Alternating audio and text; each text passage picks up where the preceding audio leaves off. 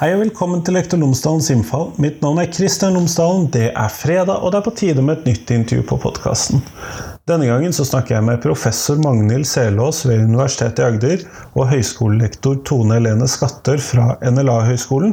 Og vi skal i denne vel, neste litt store halvtimen bruke tida på å snakke om eh, lek og læring i eh, norskfaget. Altså hvilken plass har lek og læring, og hva kan det bidra med? Og når vi først skal snakke om lek, hva mener vi med lek? Hvordan definerer vi lek? Hva er det vi fyller dette begrepet med innhold? Og hvordan hvordan kan det i seg selv bidra til læring? Hvordan kan dette være positivt å bruke tid på i skolen? Knyttet til norskfaget. Sånn at her er det norsk, her er det lek, her er det læring. Og det er det vi skal snakke om i denne podkastepisoden. Eh, du finner selvfølgelig lenke til boka de har vært redaktører for i shownotesen på lektorlomsdalen.no. Ellers, denne podkasten er som alltid sponset av Fagbokflagget. Og visste du at Fagbokflagget har gitt ut en ny metodebok om forskningsoversikter? Sånn at når du skal skrive en bacheloroppgave, en masteroppgave eller en doktorgradsavhandling, eller du skal drive med videreutdanning, et eller annet, så sitter du der med masse informasjon. Du må finne ut hva som er viktig for deg. Da tenker de at du trenger denne boka. Og boka den heter 'Forskningsoversikter i utdanningsvitenskap'. Fagbokforlaget anbefaler den til alle studenter på lærerutdanningene og innenfor andre pedagogiske fag.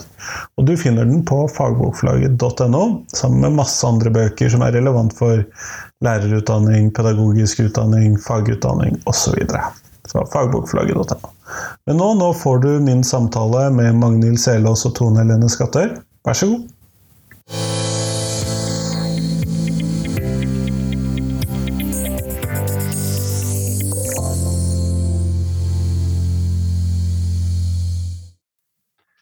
Magnhild Selås og Tone Helene Skattøy, tusen takk for at dere har tatt dere tid til meg i dag. Takk for at jeg fikk komme.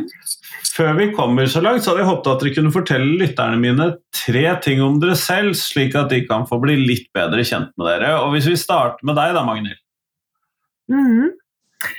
Ja, eh, jeg er språkviter og jobber på Universitetet i Agder. Og har et toårsstilling ved NLA. Eh, er veldig glad i norskfaget. Og når jeg skulle si noe om meg sjøl, så er det liksom det er de faglige tinga jeg kommer på, pluss at jeg liksom liker å grave i hagen og sånt. Men, eh, men, det er det at jeg er veldig glad i, eh, i faget mitt, og veldig glad i å skrive og sånn. Kjempeflott. Mm. Tusen takk. Tone? Ja, um, jeg er gammel speider. Det er en ting som kanskje preger mye av hva jeg er opptatt av. Det å være ute, det å kunne lære om alt og ingenting og sette det i en sånn helhet. Det preger mye av hva jeg er opptatt av. Jeg er utdanna allmennlærer. Ehm, og så syns jeg det er fantastisk gøy å få være i møte med lærerstudenter, for jeg jobber jo som lærerutdanner, eh, og se når det går opp for dem hvordan de kan bruke alle disse fagtingene som vi lærer dem, inn til å bli verdens beste lærere. At de liksom oppdager Oi, dette kan jeg bruke for å møte enkeltelever. Det syns jeg er kjempegøy. Ja, det er jo en god start for denne samtalen, tror jeg. Og dere har jo eh, nå eh, begått en bok som heter 'Leik i norskfaget'. Og norskfaget er jo eh, Det var, startet jo i skolehistorien ikke som det store, tunge faget. Det var jo mer et hjelpefag. Men jeg tror ikke vi kommer unna at dette nå er det store, tunge, dominerende faget i norsk skole på mange måter. Og en av basisfagene. og da er jo spørsmålet mitt har leiken i det hele tatt noen plass i norskfaget? Ja. ja, kan vi ikke bare si det sånn? Leiken har en plass i norskfaget. Eh, leiken må eh, har sikkert en veldig fin plass i mange fag, men nå er det på en måte norskfaget vi føler litt ansvaret for. Eh, og leiken på ulike, altså ulike sider av leiken, da, og så var vel det, det litt der vi begynte, at vi syns at lekebegrepet ble jo, det blir jo litt ullent. Og det blir litt sånn uh, kolonialisert eller tatt uh, strekt i ulike retninger. Så det var det første vi måtte gjøre. liksom Finne uh, Ja, og, og, og tenker vi på som leik i norskfaget, og hvordan kan vi Altså hvilken, hvilken, plass bør den ha? Så det har vi brukt mye tid på å rydde opp i, sant Tone? Det er det vi har brukt mest tid på, kanskje. Um, nettopp fordi lek er blitt sett på så, fra så mange perspektiver. Um, så hva betyr det i skole i forhold til barnehage? Hva betyr det når jeg sier lek? Ofte tenker vi på denne voksenfrie sonen i barndommen, um, der ungene er helt alene og styrer alt sjøl det er jo ikke nødvendigvis det vi kan snakke om når vi snakker om skole, der voksne alltid er til stede, og hvor det skal være trygt for alle å være. Så hva mener vi da, eh, når vi snakker om lek? Og så har vel vi diskutert mye og sagt at leken har så mange aspekter ved seg. Eh, at vi på en måte kan se at den dekker både utdanningsmandatet skolen har, men også dette danningsmandatet, som handler om å kunne få være og bli hele mennesker. Og at det er noe av det vi får gjennom uh, bl.a. frilek. Mens dette utdanningsperspektivet kanskje kommer mer til syne i de mer lærerstyrte, lekpregede aktivitetene, um, som veldig mange lærere er veldig gode på nå. Dere trekker jo frem ganske mange hva skal vi kalle det, trekk ved lek i denne boken. Eh, og Bare den oversikten over disse tyder jo på at det har vært et ganske stort opprydningsarbeid for å prøve å finne ut hva dette er for noe. Eh, men bare for å starte med det som kanskje da blir kritikken fra de som ikke anerkjenner lek i skolen. Da. Hvorfor eh, får denne leken da en plass i altså, Hvis man da skulle si er ikke dette useriøst? Hmm. altså, da, da, må en jo først finne ut hvilken type leik en snakker om. Ja.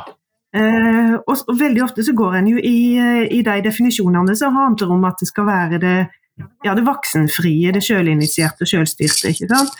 Eh, og den leiken kan en jo kanskje tenke på som en, altså, en kan jo se på det som eh, altså som tida en kunne brukt mer effektivt. da, Som en kunne gitt mer læring. Men da er det òg en sånn spørsmål om hva læring er, og hvilken form for læring som en skal prioritere til enhver tid.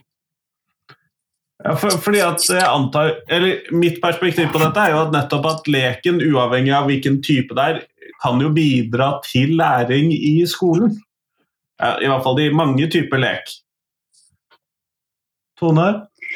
Ja, når jeg har videreutdanningsstudenter i begynneropplæring, så er der vi starter når vi snakker om lek, at det finnes to perspektiver. Sant? Det er barnehageperspektivet, eh, der frilek er lik ikke voksne som styrer, men man voksne kan støtte. Og så har vi eh, den definisjonen av lek som kanskje ofte har vært når vi snakker om lekpreg i skolen, som sånne voksenstyrte aktiviteter, som stafetter eller 'mitt skip er lastet med', som blir språkleker, eller trekke i en spill, altså som har mer regelstyring. Um, så vi begynner veldig ofte med å diskutere altså Lek for lekens egen skyld, denne frileken, den har en verdi i og for seg selv. Men så er det sånn at den leken har noen heldige bieffekter, eller bivirknader, eh, som vi bruker i boka. Eller, sånn. eh, altså, den har noen trekk som vi kan låne av, som vi kan utnytte og gi plass til og som nettopp kan kobles på dette danningsbegrepet, kanskje, men som også kan kobles mot muntlige ferdigheter, som jo er noe av det vi skal jobbe med i skolen. Der, og vi kan se skriftlig utvikling gjennom at barn eh, bruker skriftspråket i leken. Um, og at de henter frem en bok og begynner å liksom-lese eller lese for hverandre som en del av det som skjer. Og så lærer de jo historiefortelling gjennom å skulle administrere en lek. De må både starte den, finne en avslutning og skape spenning underveis, som vi jo kjenner igjen fra det å skrive fortellinger, f.eks. For eksempel. um, så det er mange sånne ting ved den leken som vi kan hente inn og tenke at den har en plass fordi dette kommer som bieffekter. Uh, og samtidig så går det an å tenke Jeg har akkurat vært i skolebesøk uh, og besøkt en andre klasse der de har lagt opp til rammelek, hvor lærere og elever sammen har bestemt hva skal vi leke, altså hva er temaet vårt. Og så må du forberede denne leken, for denne klassen de skal leke sykehus, som er en vanlig lek å trekke fram når vi snakker om rammelek. Men da må jo elevene lære seg hvilke roller fins på sykehus, altså hvilke yrker fins. Og hva gjør de ulike yrkene? Altså, hva gjør en sykepleier egentlig? Hva gjør en lege egentlig? Eh, oi, det fins noen som tar imot oss. Resepsjonister, hva gjør egentlig de? Og så må de jo finne ut av Ok, legen skriver en pasientjournal. Hvordan gjør jeg det? Hvordan ser en sånn journal ut? Og da får du inn lesing, du får inn skriving. Du får inn noe kunnskap om at skriving skjer med ulike eh, formål. Eh, de må trene på å forhandle, fordi de kan ikke være leger samtidig alle sammen. Det går bare ikke.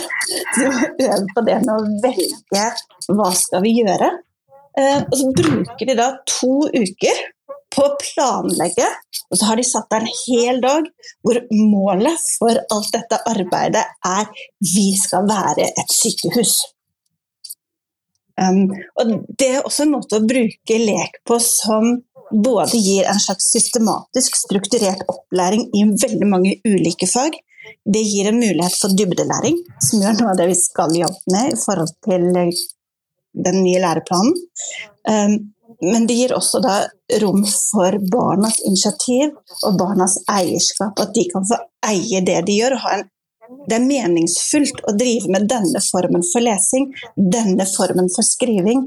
Um, det å lage rekvisitter, det er nødvendig fordi vi trenger det.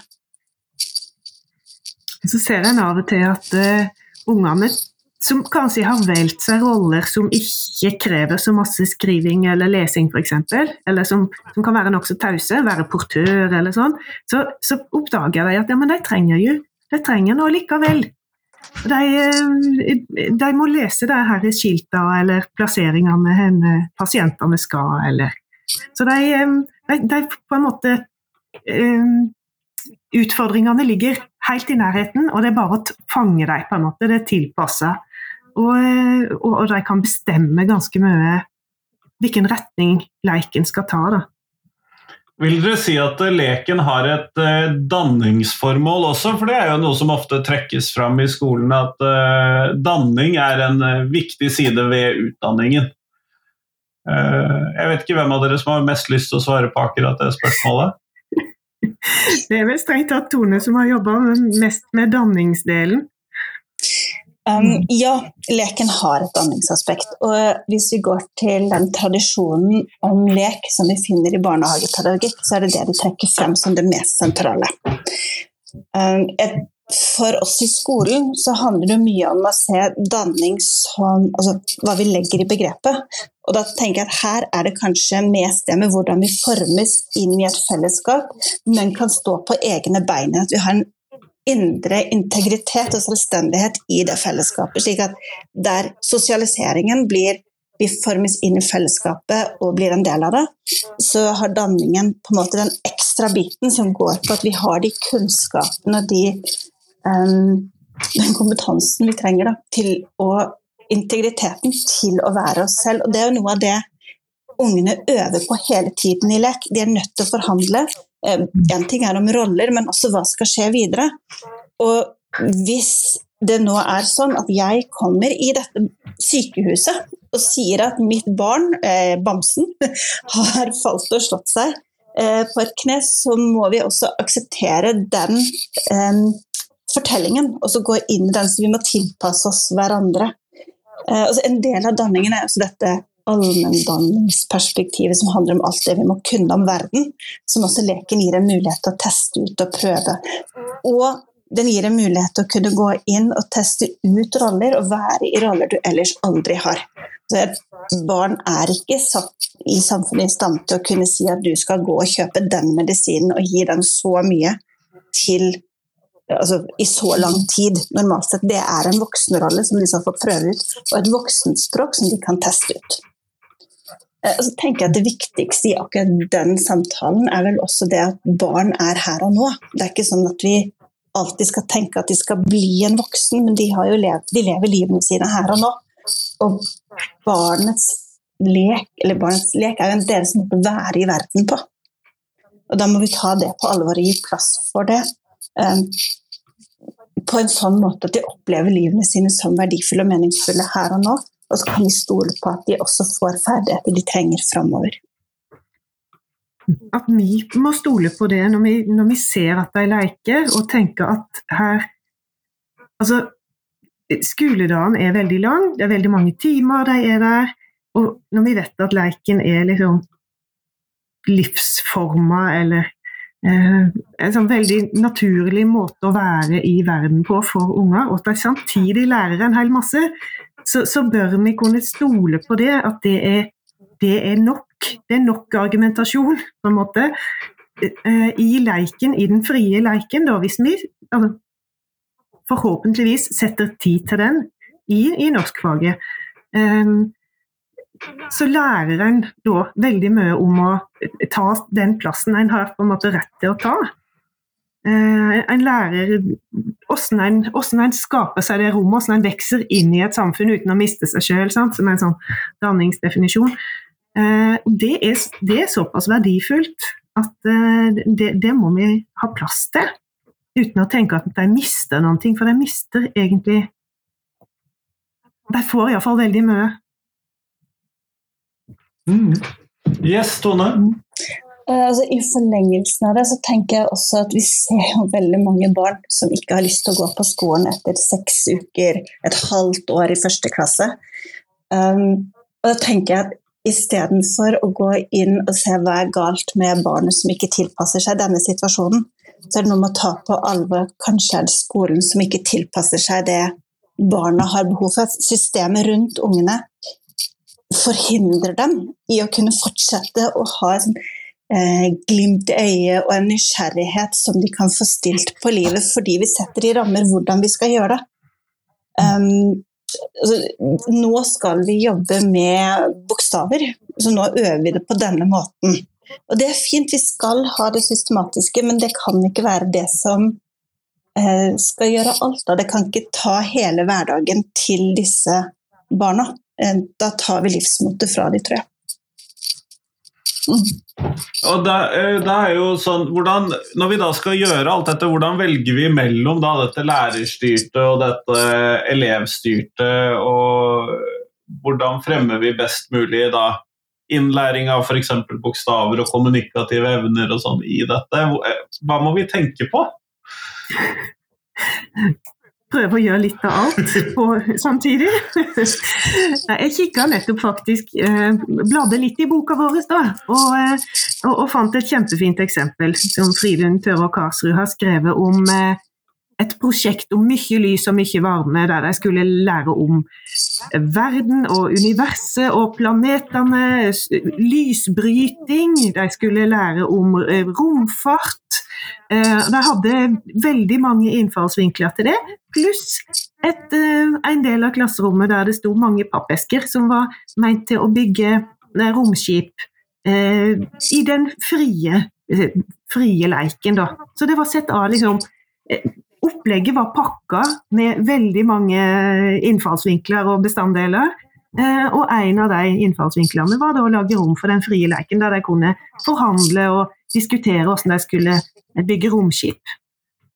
Så det er helt sikkert da, ikke sant, mer sånn lærerstyrte, instruerte eh, deler av det opplegget. Mm. Mm. Og I boka vår så har også Reidun Rygg skrevet om sånn funksjonell bokstavopplæring. altså Det å ta opp dagens skriving som en vei inn i skriftspråket. Som jo handler om å ta den kommunikative siden av språket. altså Det at vi ønsker å bruke språket for å kommunisere på alvor. Og så la elevene utvikle sitt skriftspråk i sitt tempo gjennom å ha tilgang til alle bokstaver, sånn at de er der i klasserommet, de er der på pulter, hvor de får trene på å skrive via øret. Så de må lydere, og enten kan de bokstavene, og da former de de bokstavene de kan, eh, og spør gjerne om nye fordi de har behov for dem. Eller så skriver de noe barnespråk eller hemmelig skrift, og så må, kommer de voksne og hjelper dem å oversette til voksenskrift, slik at de kan få se den overgangen mellom det talte, altså det vi sier, og skriftspråket. Så tenker jeg at det handler om å ha en bevissthet om hva gjør vi når. At vi gir rom for alt. Sånn, det handler ikke om enten-eller. Det er så lett at vi havner i de grøftene. Enten så er det lærerstyring, eller så er det elevkaos. Det trenger jo ikke å være sånn. Det, vi kan tenke at vi beveger oss mellom disse kategoriene. Um, og at vi har en bevissthet om hvilke ting tar jeg med meg inn i klasserommet for å styrke elevenes initiativ, eller for å skape nysgjerrighet, så de overtar prosjekter, kanskje. Men også når trenger vi å rent faktisk sette oss ned og snakke om at um, Pluto skrives PLUTO, altså hvis det skulle være et behov for å skrive planeter da, i um, Fridun sitt opplegg. Ja, og Overraskende ofte så vil jo det være aktuelt, fordi at man skal ha et skilt eller man skal gi en beskjed inn i denne leken, eller eh, hva nå det skal være. Så det blir liksom elevene som får et behov for å skrive. Og hvis en klarer å på en måte lage rom for de behovene, så, så, trenger en jo Så treffer det veldig. Det blir veldig automatisk tilpassa undervisning, tenker jeg. Fordi at en, en, treffer behovet når det er der. Åssen var det den P-en skulle se ut? Hvilken vei gikk magen på den? Og nettopp derfor så får de jo da også muligheten til å huske det bedre, fordi de har lært det i en sammenheng, de har hatt behov for det. Det blir sittende igjen mye mer enn hvis du lærer ting altså Puggestoff, det lærer vi, oss, så kan det skikkelig godt til den prøven vi har pugget til. Men det sitter ikke nødvendigvis. Men det jeg har hatt et behov for å kunne, det jeg har fått en interesse for at dette må jeg kunne fordi jeg trenger det i livet mitt, det sitter jo veldig veldig, veldig mye bedre. Så Eksempler fra, mitt fra skolen som jeg var på besøk til Leistad. De ungene vil vite hva en pasientjournal altså er om et halvt år. Fordi de har lært det, de har brukt det, de har lært det i dybden. De kan det. Så tenker jeg at Nå snakker vi mye om ting som kanskje er aktuelt ned mot de yngste elevene i skolen. Det er ingenting som sier at ikke 5. til 7. trinnselevene, altså mellomtrinnet, også har behov for den type um, variasjon i forhold til hvem som på en måte eier eller styrer aktivitetene mest, selv om læreren er der som en støtte. Um, og det er noe som kanskje fort blir borte i samtalene om lek. Vi snakker veldig fort om de barna som er åtte år og under, på en måte. Men å få et, et prosjekt der en, der en, har behov for å skrive, der en er en femte eller sjette eller sjuende eller åttende eller hva som helst eh, eh, og får ja, skriv, lag skoleavis, da er jo noe som har vært brukt. Da, da, må en jo velge, ta valgene sjøl, argumentere, eh, føre prosjektet framover. Eh, så det er en ganske stor grad av selvstyring, kan være, eh, og som er meningsfull. Det er vel, det er vel mye det vi har lyst til at, eh, at en ofte kan, eller kanskje oftere kan se det meningsfulle, eller behovet. Og så faller vi kanskje ut av lekbegrepet litt. Men, men hvis vi da kommer tilbake til listen din, du, den listen vi har i boka om hva, hva, er det ved leken som er verdt å ta med inn i undervisningen, så er vi kanskje der likevel. Fordi vi tar med oss det som er meningsfylt, det som er skapende, um, det kreative. Vi tar med oss uh, det fremmede, kanskje. Altså det at dette er noe de ikke pleier å gjøre. Så det skaper engasjement gjennom at det er uvant. Um, de får teste ut roller, så det, sånn sett kan det kanskje ligne mer på et slags rollespill. Altså, det, det finnes mange måter å snakke om det på, og sånn sett så ble vi vel mer og mer opptatt av at lekbegrepet, la oss nå kalle lek for lek, og si at leken kanskje er nettopp dette altså der, der, barna er engasjert, men det er så mye der som vi kan bruke inn og snakke om varierte, mer elevstyrte læringsformer. Da. Hele veien. Og det er jo da det er kanskje her det nettopp ligger, men dette er jo også en del av eh, Finner vi leken i læreplanene? Ligger, opplever dere at det legger til rette i læreplanene for oss å trekke inn leken, eller er det mer en, som en sånt verktøy for oss å bruke som lærere? Altså enda en ting vi har i denne verktøykassa vår? Læreplanen er tydelig på at lek er kjempeviktig for de yngste elevene, men også gjennom skoleløpet, sånn i overordnet del. Der, der, står det svart livsnødvendig og nødvendig for læring. Um, I kompetansemålene så har stort sett alle fag lek som del av ett eller flere kompetansemål etter andre trinn. Noen har det etter fjerde trinn, men fra fjerde trinn og oppover så erstattes lek med utforsking. Um, men nettopp i utforsking, nettopp i den der at man skal være utprøvende, utforskende, så ligger rommet for å ta dette lekene, og også leken, da, inn høyere opp. Det, det ligger der som en mulighet som innebærer så mye som ikke behøver bare å være metodisk. Men det kan være en måte vi tenker på, eller med på hvordan engasjerer vi, hvordan skaper vi engasjement for det læringsprosjektet som skolen jo tross alt har. Men eh, Magnhild, i dette her så eh, lurer jeg jo litt på da Dette tar jo en del tid. Vi må jo finne rom til dette. Eh, det er vel det vi ønsker, da, å si at um, altså, Norskfaget er omfattende. Det er mange timer. Um, det er Skolegangen er lengre enn den var før. Altså, har fått, uh, Vi har fått mange flere timer, det har jo uh, godeste Djupedal på NTNU vist. Nettopp. Sånn at der, der er tid. Der er absolutt tid. Også hvis vi kan stå med litt sånn uh, ja, si det med litt selvtillit, at ja, men det, altså, det har jo alle de gode effektene som vi tenker. Jeg er jo veldig glad i eh, å telle og måle og sånt. Eh, altså ordforråd, f.eks. Eh, det gir jo rom for å øke ordforrådet, for å øke kompleksiteten i setningene. En bruker språk på en annen måte.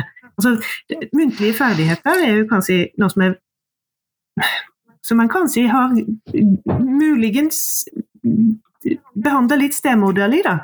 At en ikke har tenkt på at de muntlige ferdighetene er noe som en òg skal jobbe med. Men leiken er jo en fantastisk arena for det.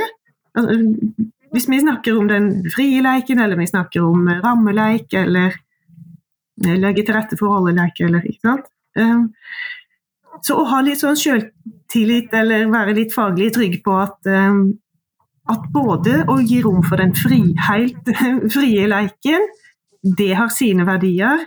Bruke de her leikelementene inn i i òg mer lærerstyrt eh, vanlig klasseromsundervisning. Det, det er Altså, det, det, gir jo bedre læring.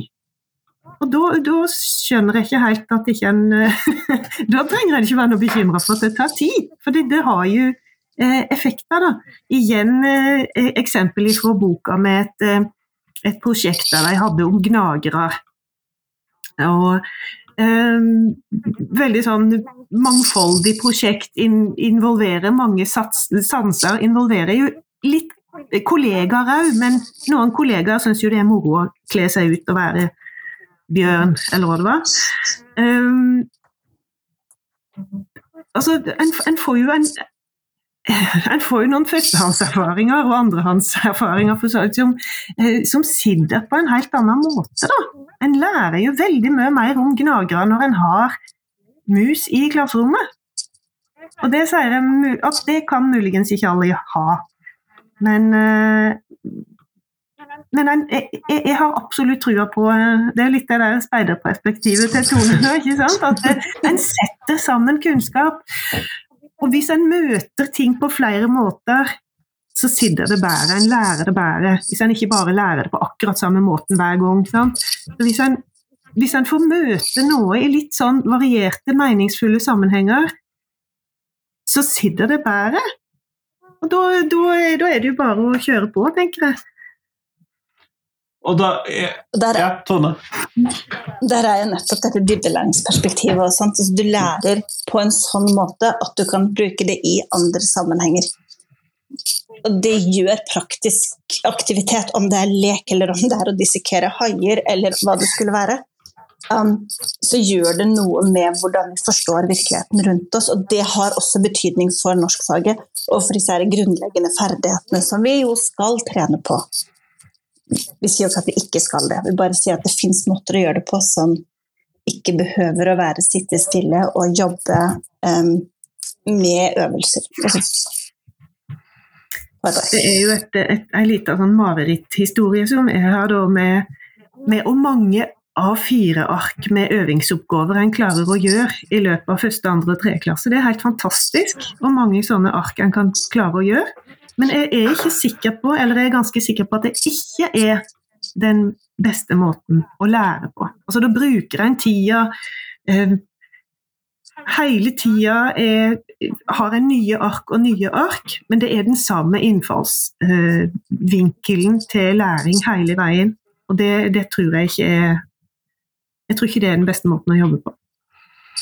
En ting som jeg syns er litt gøy, er fordi at dere har valgt å bruke ordet litterasitet. Eh, der hvor alle eh, som jeg har sett skrive om literacy, nettopp har brukt dette litt dårlige engelske begrepet. I hvert fall på norsk er det et veldig dårlig begrep. Og jeg syns jo det var litt gøy at dere gikk for en norsk uh, oversettelse av dette begrepet. Jeg må bare spørre hvorfor? Egentlig så var det vel litt eh, Skrev den ikke det òg, At det er litt sånn eh, fonetiske årsaker til det? Altså det, det er rett og slett uh, uttalen. Det er et begrep som Altså alle begrep blir jo fylt med innhold. Og å tenke at vi ikke vi ikke har et begrep på norsk, så vi må ta det engelske. Det er litt sånn Ja, men det, det Bare vi bruker det, så blir det jo fylt med et innhold. Um, tidligere har det blitt brukt skriftkunne eller um, tilgangskompetanse har blitt brukt. Mange fine, fine begrep som det vi, vi, trenger ikke bruke literacy. Um, vi, vi, går kanskje litt motstrøms når vi kaller det litterasitet. Jeg lurer på om vi Det er ikke sikkert at det er vi som vinner konkurransen om hva som blir den endelige termen på norsk. Jeg må innrømme at jeg liker det bedre enn eh, tilgangskompetanse, var det det du snakket om der? For det skjønte jeg ikke hva snakket om. Det handler jo om at en ved å være litterat, på en måte ved å vite hvordan en bruker skriftspråk i samfunnet, så får en tilgang på det en trenger. Da en blir en del av det her skriftsamfunnet, skriftkulturen. En, en skjønner greia en kan tilegne seg. Uh, så det, jeg syns egentlig det er et fint ord, men det har heller ikke vunnet konkurransen. Men det er kanskje også fordi det smaler inn hva begrepet kan bety. på et eller annet vis, At det er noe med det literacy-begrepet på engelsk da, som har også blitt veldig utvidet. Det har jo gått fra å bety rett og slett at du kan lese og skrive, til å bety så veldig mye mer. Um, så ved å bruke en norsk altså måte å skrive det på, så kan vi si at ja, det er samme innholdet i det vi forsøker å snakke om. Um, vi snevrer ikke inn til å bare bety én bit, men det, det, er en bredde her. Det er en bred litterasitetsforståelse som ligger til grunn. Uh, ja som dermed gjør at det er kanskje det begrepet som er best å bruke likevel.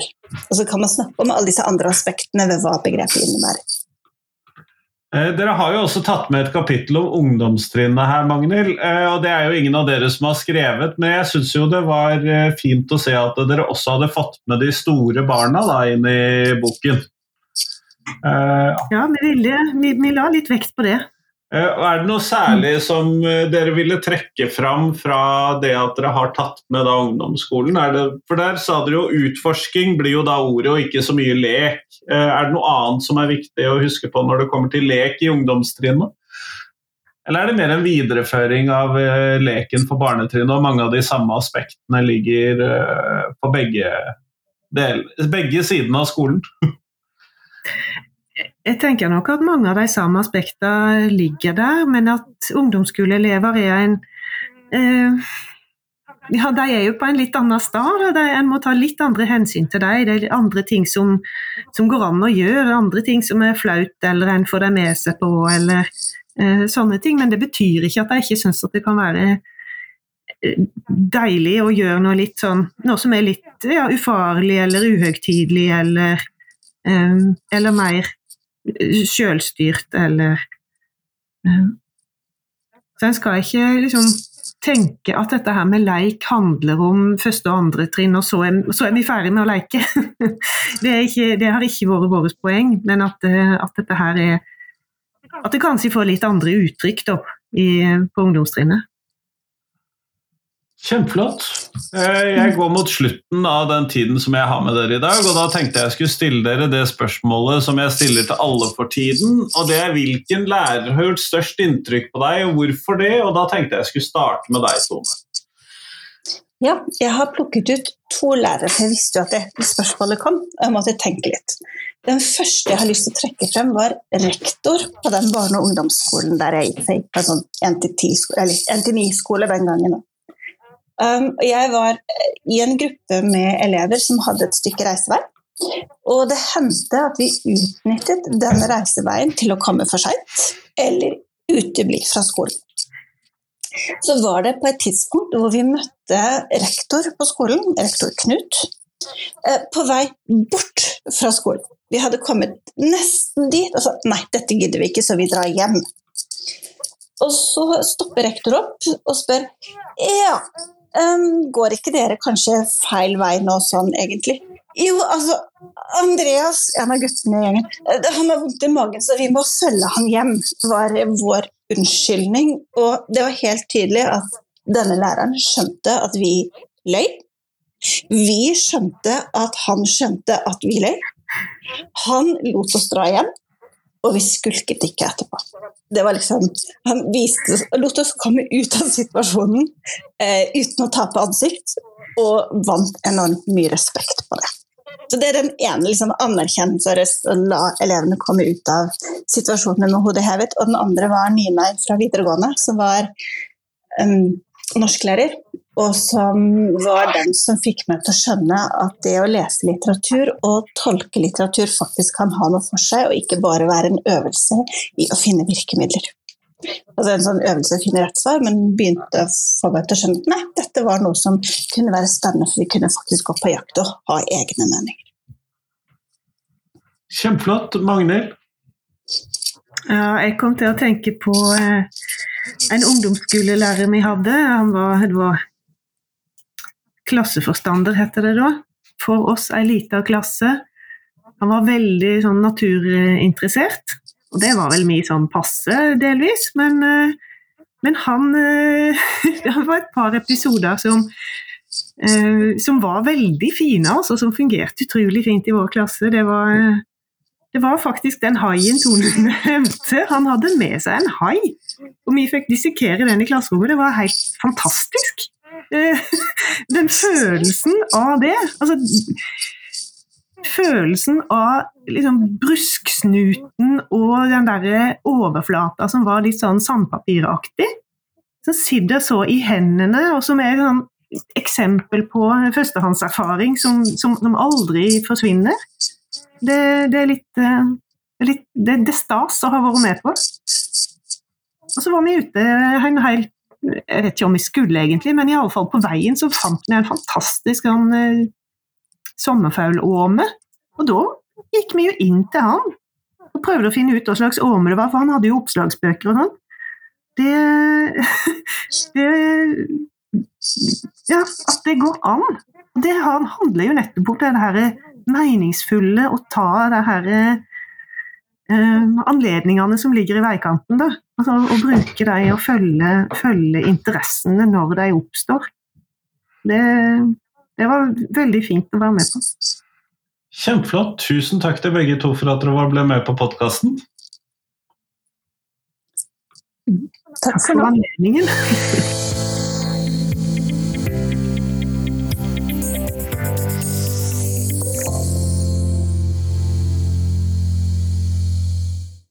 Tusen takk til Magnhild, tusen takk til Tone Helene, og tusen takk til deg som hørte på. Nå er det fredag. Det er snart tirsdag igjen. Da kommer det en ny episode på podkasten. Og neste fredag så satser vi på at det kommer en reprise på podkasten. Nå nærmer vi oss i tillegg eh, jul. Vi nærmer oss nytt uh, kalenderår, som om noen lærere egentlig bryr seg om det. Um, jeg vet i hvert fall at mitt nyttår det er 1. august. Juli finnes ikke. Men i hvert fall, eh, nytt kalenderår betyr nye sendeflater. Eller nye muligheter for å fylle sendeflater, heter det vel kanskje mer. Fordi at jeg skal fortsette å produsere podkast her hvor jeg er.